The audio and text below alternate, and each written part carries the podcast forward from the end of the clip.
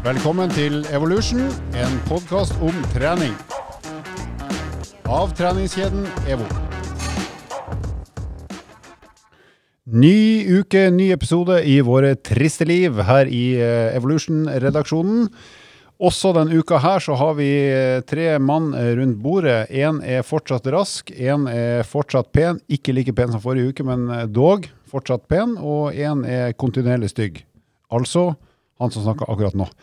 Vi eh, må fortelle litt fra egne utrolig spennende liv. eh, og det vi kan si litt om i dag, er kanskje hvordan det går med aktivitetsnivået vårt. Hva driver vi med sånn utenom å bable i Evolution og gjøre jobben vår? Eh, Lars? Ja, du pleier å si at Andreas ikke ser så pen ut når han begynner å komme i form. Så jeg tar jo det som et godt tegn, for jeg føler at eh, formen begynner å komme litt. Grann. Altså at det begynner å bli litt eh, gøyere å pushe seg litt og drive på med litt lengre aktivitet. Du er langt fra stygg ennå, Lars, så formen er nok et stykke unna. Oh, veldig godt, takk. Det var det jeg hintet etter. Da er jeg ferdig, egentlig. Ja. Men eh, nei, det, jeg har det litt kjekkere på trening om dagen. Eh, tross eh, korona og litt sånn problematisk å jobbe i treningssenterbransjen med ulike åpninger og stenginger, og at personlig trener ikke får lov å drive med sitt virke osv. Det kunne vi jo hatt en egen podkast om, men det skal vi ikke komme så mye inn på. Men det har vært litt sånn rare tider. Men det har jo gjort at man har hatt litt bedre tid til trening. og litt mer tid til trening i dagslys, for det har det vært litt mindre av eh, de siste månedene. Og det, det gir noe eh, ekstra energi, syns jeg. Én ting er at man kan holde på kanskje med de litt lengre øktene og få litt eh, sol i trynet. og Oh, hele natten. ja, litt Ja. D-vitamin og sånne ting. Og så får man ha litt sosialt. Så jeg har hatt eh, en del gode, lang, lengre turer på ski eh, for å jobbe litt med lavere intensitet og litt eh, varighet.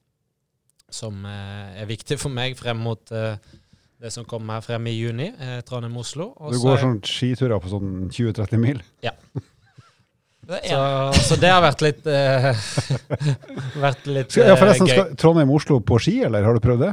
Nei, kunne det det vært noe? kunne vært noe. Jeg skal faktisk på en ski her nå, skitur her uh, i eh, midten av februar, med pulk, vel å merke. Når vi lager en gjeng som har, eh, skal, har planlagt en tur. Skal gjennomføres òg. Vi skal Mhm. ta toget og gå tilbake mot Oslo. og Den er ja, rundt 13 mil eh, totalt på fjellski og pulk. Så det blir Hvem skal, hvem skal sitte i pulken? Det blir jo fort eh, Noen. noen. Vær så god, raske Andreas Skjetne.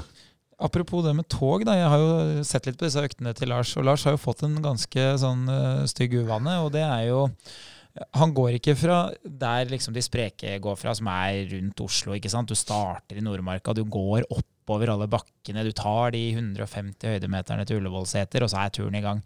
Lars har fått en sånn stygg uvane. Han tar toget oppover. Enten om det er til Varingskollen eller til Stryken, og så står han i hockey ned Nordmarka. Han er jo alpinist. Fette fart. Han er jo vant til å ta heisen. kynisk sånn sett. Han blir jo Ja, mer det er slitt. faktisk sant. eh, Jeg skal ikke glemme det. Det er fint, det. Og jeg jeg er helt enig med deg. Jeg kunne nok ha snudd det, men jeg, der skylder jeg på de jeg har med meg, som jeg er støttekontakt Det er jo fordelen med Trondheim-Oslo at det går jo bare nedover. Ja. Nedover på kartet. Uh, nei, det, men, men det du gjør der, Lars, det er jo noe de som er glad i å gå på ski, definitivt bør prøve. Det å ta toget, altså da Gjøvikbanen, Jeg vil si at alle bør prøve å ta toget. Det er en opplevelse i seg sjøl. undergrunnsbanen, da, Mm, Subway. ut, uttoget. Mind the gap. Eh, nei, men det å ta toget eh, Gjøvikbanen, da, uh, og hoppe på et sted i, i Nittedalen, altså i Varingskollen, da, for eksempel, som er da helt nord i, i Nittedalen, i Hakadal. Eller å ta det helt opp til f.eks. til Stryken. Mm. Og så gå gjennom Nordmarka tilbake. Da kan du jo gå alt fra tre mil til Ja, du, du får det opp i 55-60 km hvis du går da strake veggen. Mm. Og da er jo kikk ut midt i marka, så det er jo ofte et fint sted å stoppe og, og spise bolle. Og ja, ta seg et, for, Ah, ta seg et forbrukslån og kjøpe en eh, kakao til 46 kroner. Ikke Eh, bruk Norwegian Mastercard ditt, for du får ikke poeng. Får ikke poeng i retur. Nei, så, så det er en veldig fin ting, det. Altså, jeg anbefaler det. Å Gå fra Mylla og skibussen til Mylla. Gå fra Røa og fra Jernbanetorget. Det er en fantastisk tur, eh, og da går du jo mot sola hele veien. Jeg vil anbefale noe jeg gjorde i 1997. Å gå fra Oslo sentrum til Kringsjø, altså Sognsvann i Oslo, på ski. Etter å ha vært på byen. Det her er sant, gutta. Jeg gikk på ski til byen, og jeg gikk på ski hjem igjen.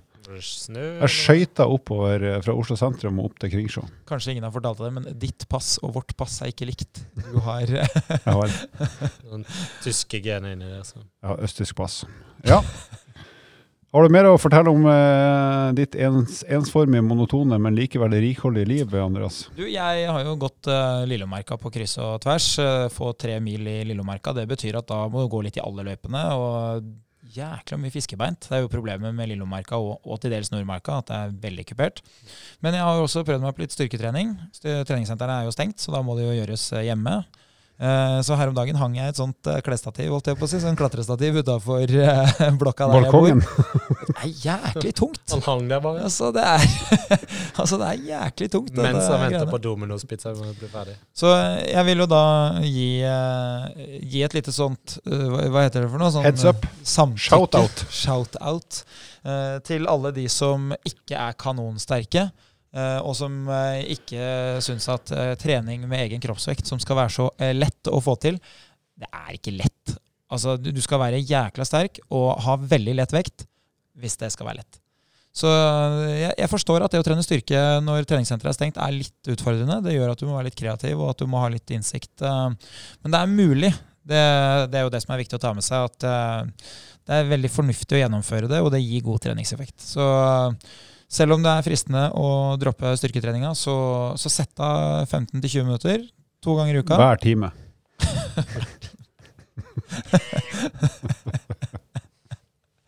Hver time. Nei, det skal du slippe. Nå får jeg eh, beskjed av produser om at jeg skal gå. Ja, det Din tid er kommet. hadde kanskje vært det beste. Ja. Ja. Hva har du eh, gjort, det, Halvor? Ja, ikke overraskende sykla, men jeg har også gått på ski. Eh, men jeg har sykla, så jeg har hatt nå hadde åtte harde økter på rad, og så hadde jeg hvile et par dager, og så prøvde jeg meg på sykkel igjen i går på en sånn ganske hard intervall, i fall hard i forhold til min yteevne. Ti ganger tre minutter, Øh, og så avslutta med to ganger to minutter, som var litt tøffere enn det igjen. og følte at det gikk greit, selv om det var slitsomt. Og så la jeg meg på sofaen i fosterskilling fosterstilling og lå der til klokka 23.30. Da hadde jeg sett ferdig et eh, utrolig rart program om et intervju Lady Diana gjorde for BBC i 1995. Og når jeg skulle reise meg opp igjen da, så slo det til meg ei krampe jeg aldri har opplevd maken til i, min, i mitt venstre lår. Så da lå jeg alene oppe i sofaen, som da er i andre etasjen, og brølte på samboeren min og Gild fordi at jeg måtte ha hjelp til å løfte foten og strekke den. Og hun sto eh, ute og drev på med noe søppel og greier, så hun hørte ikke meg, så jeg måtte rope høyere og høyere, for jeg var desperat. Og da kommer sønnen min opp, som har sovet i to timer. Og dattera mi etter det igjen. Eh, Pluss at jeg fikk en tekstmelding fra han som er hybelboer, som bor nede i kjelleren, som lurte på om jeg ble eh, fysisk lemlesta, enten av meg sjøl eller andre. Så det, det var rett og slett så vondt at jeg ikke hadde mulighet til å gjøre noe annet enn å rope høyt og be om hjelp. Og etter åtte-ni minutters tøying så, eh, og hele huset i sving, så klarte jeg å karre meg ned ved egen eh, hjelp. Så det, på en eller annen måte så var det vel kanskje et tegn på at jeg har lagt inn en ganske tøff jobb i forhold til det jeg vanligvis gjør, da. Selv om det var ubehagelig egentlig mest da mange timer etterpå. Yes, vi har et tema i dag som omhandler trening og vektreduksjon, og det skal dere straks få vite mer om.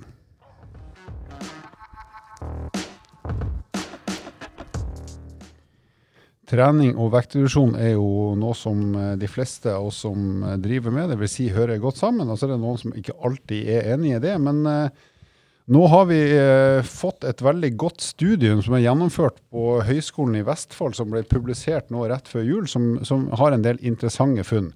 Så jeg skal prøve å dra igjennom sånn veldig kort hva den studien har funnet fram. Eh, studien varte i 24 uker, og det var totalt 71 deltakere som gjennomførte eh, alle de 24 ukene, og det var både menn og damer.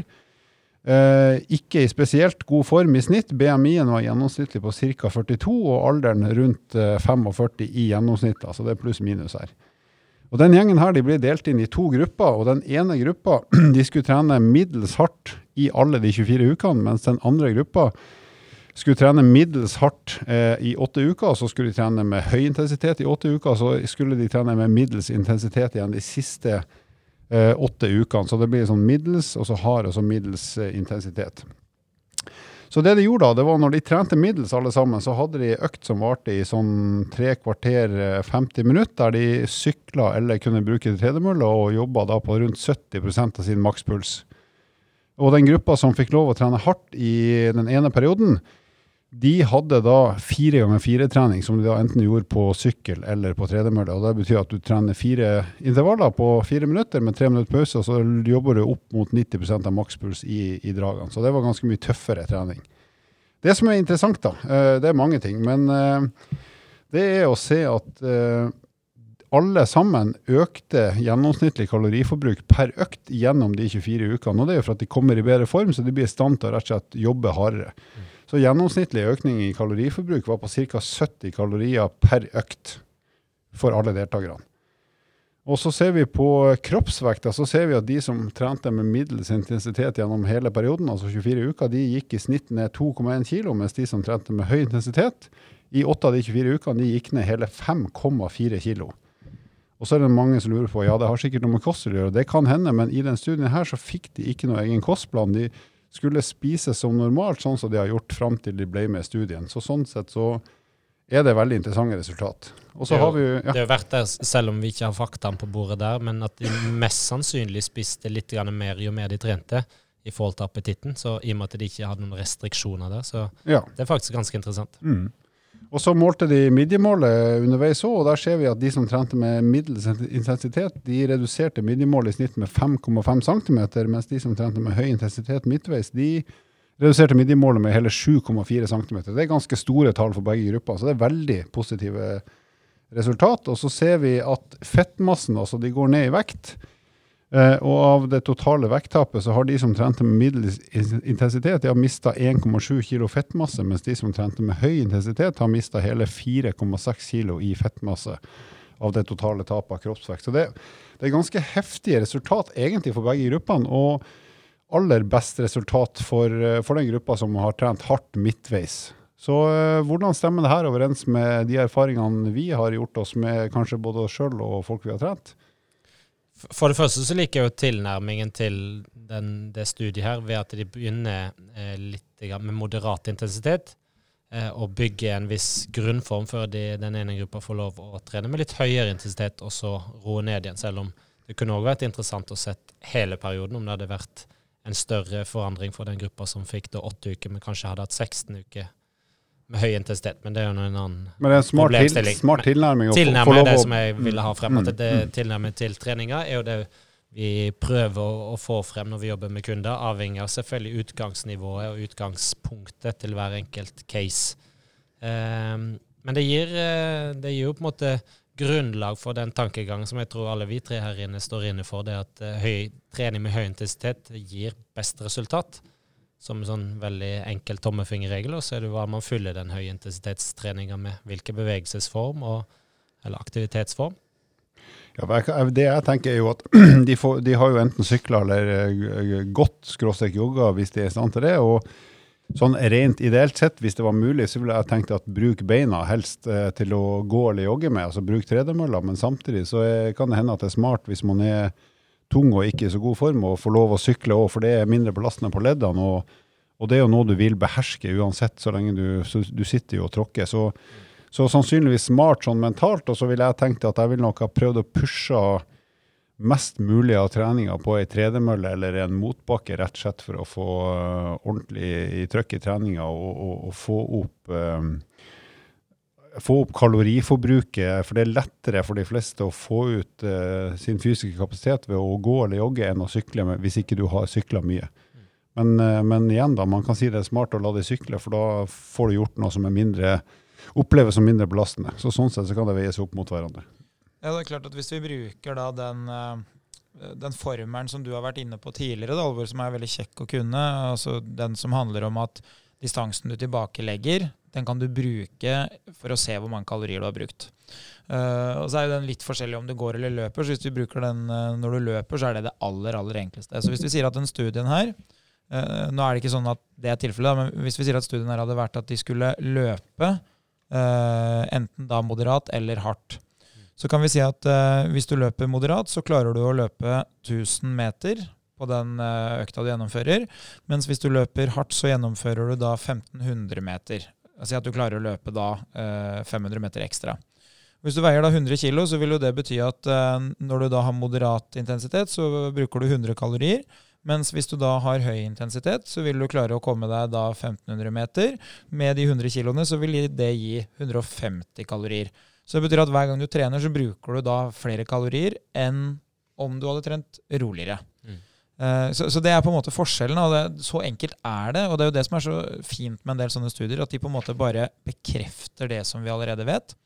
Og så er jo det man må stille seg spørsmål om, det er jo hvorvidt det er mulig å trene med høy intensitet eller ikke, avhengig av hva du har gjort før, eh, hva som på en måte må på plass for at du skal kunne gjennomføre treninga di. Men, eh, men, det er ikke noe tvil om at hvis du helt sånn maskinelt skal velge det som gir best effekt, så er det jo smartest å få den motoren til å, til å, kjøre på et ganske høyt turtall. Eh, men så er det en ting til da, som jeg syns er veldig viktig å få med her, og som veldig ofte ikke er en del av studien. Eh, fordi det er ikke relevant i forhold til hva som foregår der og da. Men det som er viktig å huske, det er at hvis du trener med høy intensitet, så vil du på en måte skape en mulighet for at du i fremtida er i bedre form. Eh, jeg har vært innom det en del ganger hvis man snakker om enten intervalltrening eller rolig trening. Rolig trening vil være gunstig fordi du kan holde på lenge og bruke mange kalorier. Men det å trene intervall og høy intensitet, det vil kunne skape et bedre potensial i fremtida.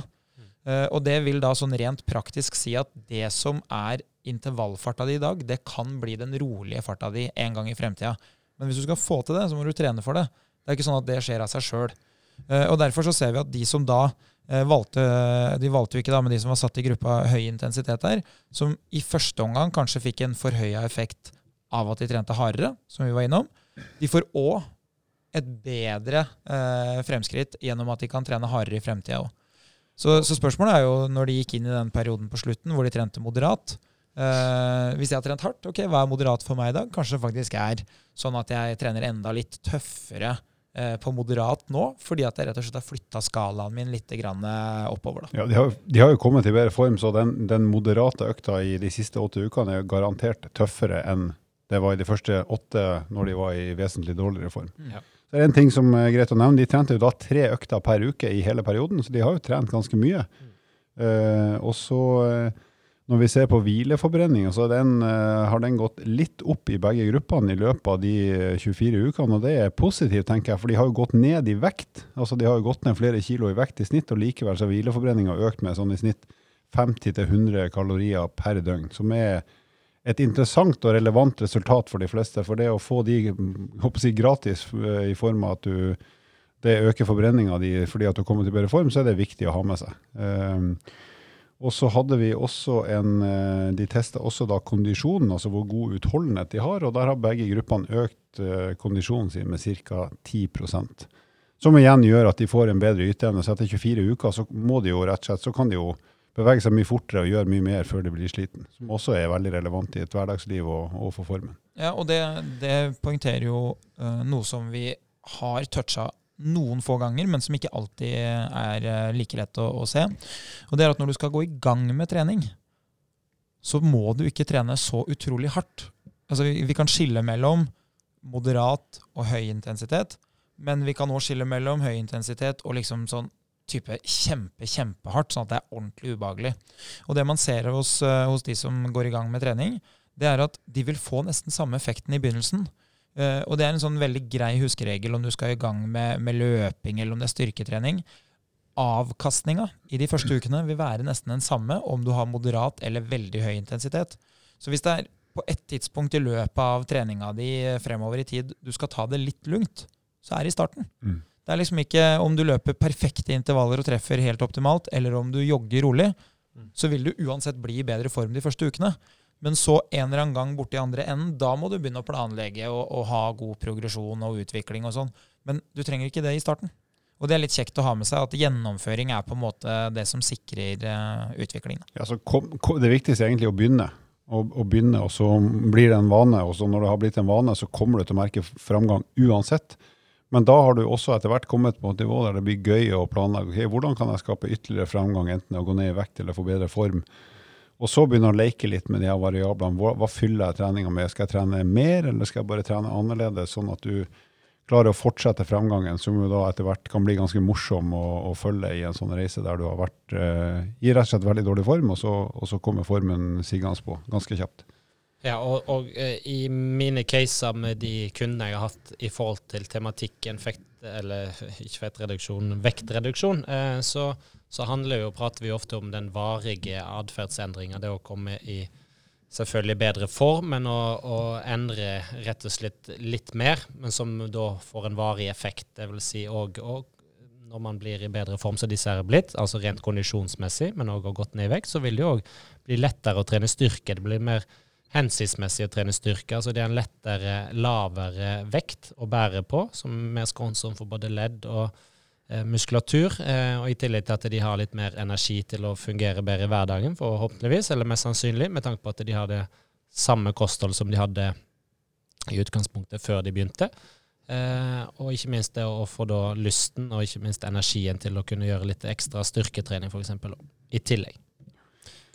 Ja, så det, det, som vi sitter igjen med, da, inntrykk, det er jo, og det er alltid godt å få det bekrefta, det er at det å si at trening ikke hører hjemme i en god vektreduksjon, det er positivt feil. Men, øh, og så er det de gode nyheten er jo at det skal ganske lite til i en startfase å få effekt av treninga, i tillegg da, til, til, selvfølgelig kostholdsendringer. Og så er det utrolig store framskritt du kan gjøre på veldig kort tid, både vektmessig og formmessig, hvis du da etter hvert trener ikke bare for å gjennomføre, men trener smart i forhold til egne, egen form og forutsetning. Sånn at øh, det er, det er, godt å se at, eh, at eh, høyt kvalifiserte studier bekrefter det som, som, vi for så vidt har sett mange ganger før, men, men, eh, men gjort på en sånn måte at det, det blir udiskutabelt. Og så er det mange måter å trene på. Dette var én variant. og så kunne vi sikkert gjort det på ti andre måter og fått kanskje omtrent samme resultat, eller kanskje til og med bedre. Det vet man ikke. Sjøl har jeg jo gjort en del testa med mannfolk som har gått ned ganske dramatisk mye vekt, men de har også trent litt mer og litt tøffere. Så det, det er mange veier til mål her, men, men, det viser jo at trening spiller positivt inn på utrolig mange helse- og form- og vektvariabler. Mm. Det er jo en rød tråd her som er ganske spennende å ta med seg. Og så skal man heller ikke få Eller man kan ikke påpeke det mange ganger. altså Det med høy intensitet er jo veldig individuelt hva som er høy intensitet for dere som lytter på og for oss, og eventuelt de som var med i studien. Og det, det er jo den individuelle utgangspunktet man må ta, ta, og legge til grunn til når man måler seg frem til det å, å jobbe med høy intensitet. Og Det vi vet, da, det er at fra den første økta du tar til den andre du tar, hvis ikke det er for lang tid mellom de to, så har du fått fremgang. Ja. Garantert. Så det kan være fremgang på to dager hvis du har ei økt på mandag og den neste på onsdag eller torsdag.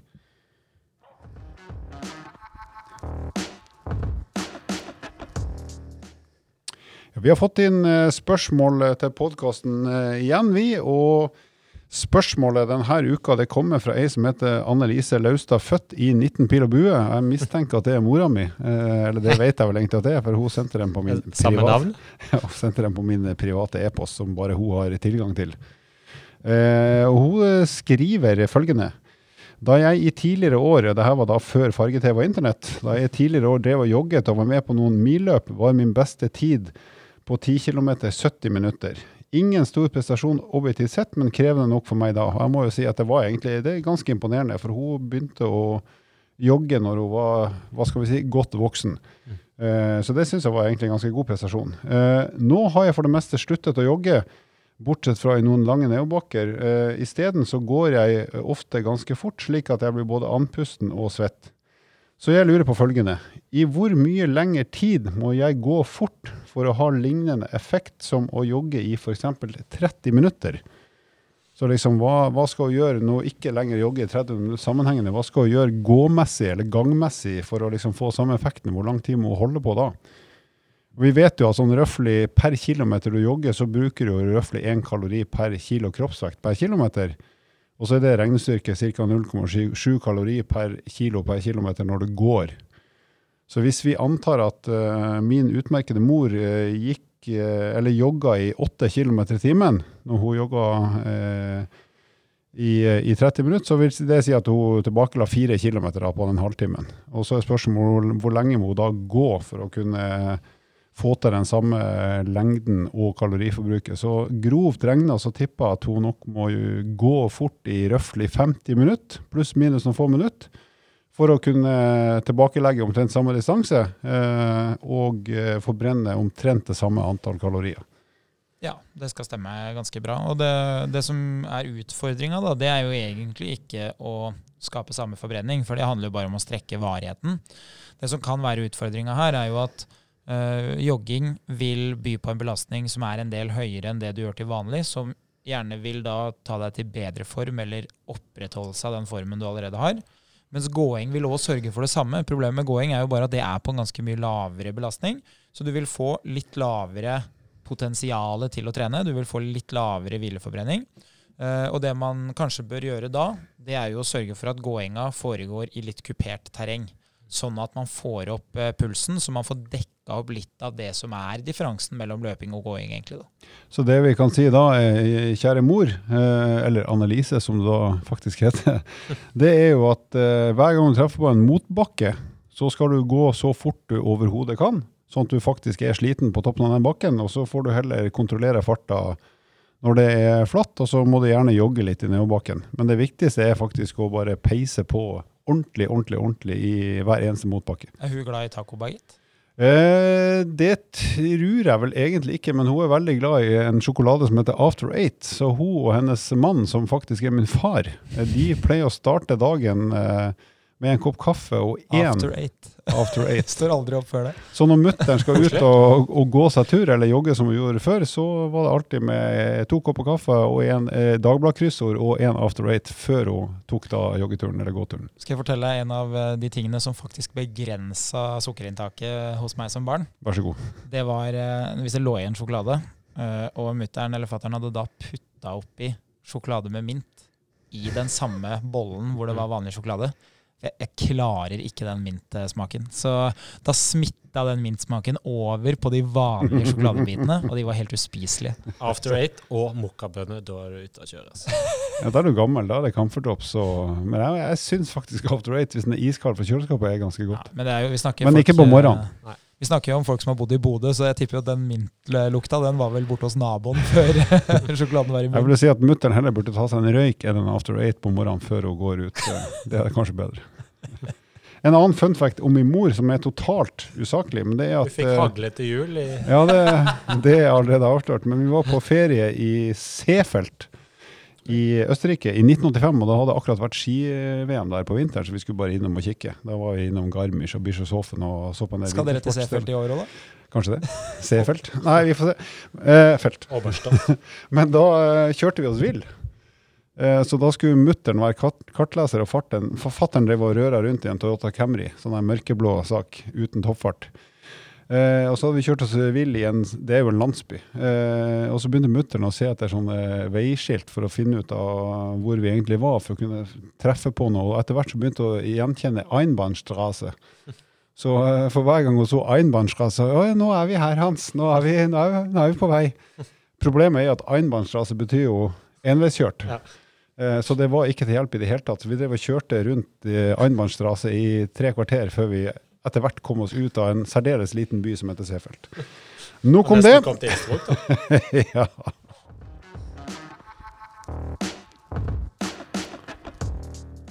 En liten fun fact må vi, også, må vi, også, ha med, i tillegg til en ganske dårlig historie fra Seefeld. Eh, og den fun facten her den eh, handler om en aldeles meget spesiell diett den såkalte The Vision Diet. og Den oppsto på begynnelsen av 2000-tallet, altså for drøyt 20 år siden, av en japansk oppfinner. og Hans idé var følgende. Det var at røde og gule farger er appetittvekkende. altså for Se for deg McDonald's-logoen, som vel er rett og slett rød og gul. Mens fargen blå visstnok, i henhold til han iallfall, skulle undertrykke appetitten. Eh, så det var eh, hans eh, teori, da. Det var jo at hvis du brukte blå, blå briller altså Han lagde rett og slett blå briller, så ville du, når du så maten med de brillene, så ville det se mindre appetittlig ut enn hvis du hadde sett de med ekte farger. Så hele dietten gikk ut på rett og slett å selge dårlige blå briller for at folk skulle spise mindre fordi at det skulle se mindre appetittlig ut. Hvordan det her egentlig har gått, det vet jeg ikke, men jeg tenker jo egentlig at det er en briljant sånn kommersiell idé for, for, å lage dårlige briller i, i blå glass. Det skal være overkommelig. Ja, altså, jeg får jo eh på strak arm her en potensiell eh, metode som ligner, og det er jo hvis du bare selger sprayflasker med eddik, og så sprayer du det alltid på den maten du skal ha. Selv potetgullet. Eller tilsetningsmiddel med mint. ja, for min del en mintspray. Eller hvis du har en sånn eh, parfymeodør med Petterøes eh, nummer tre-miks, som er rett og slett tobakk. Hvis du sprayer det over ethvert måltid, så tror jeg også matinntaket blir ganske begrensa ganske Kan hende det er en del tynne karer i 80-åra som plutselig blir veldig sultne. Det kan hende.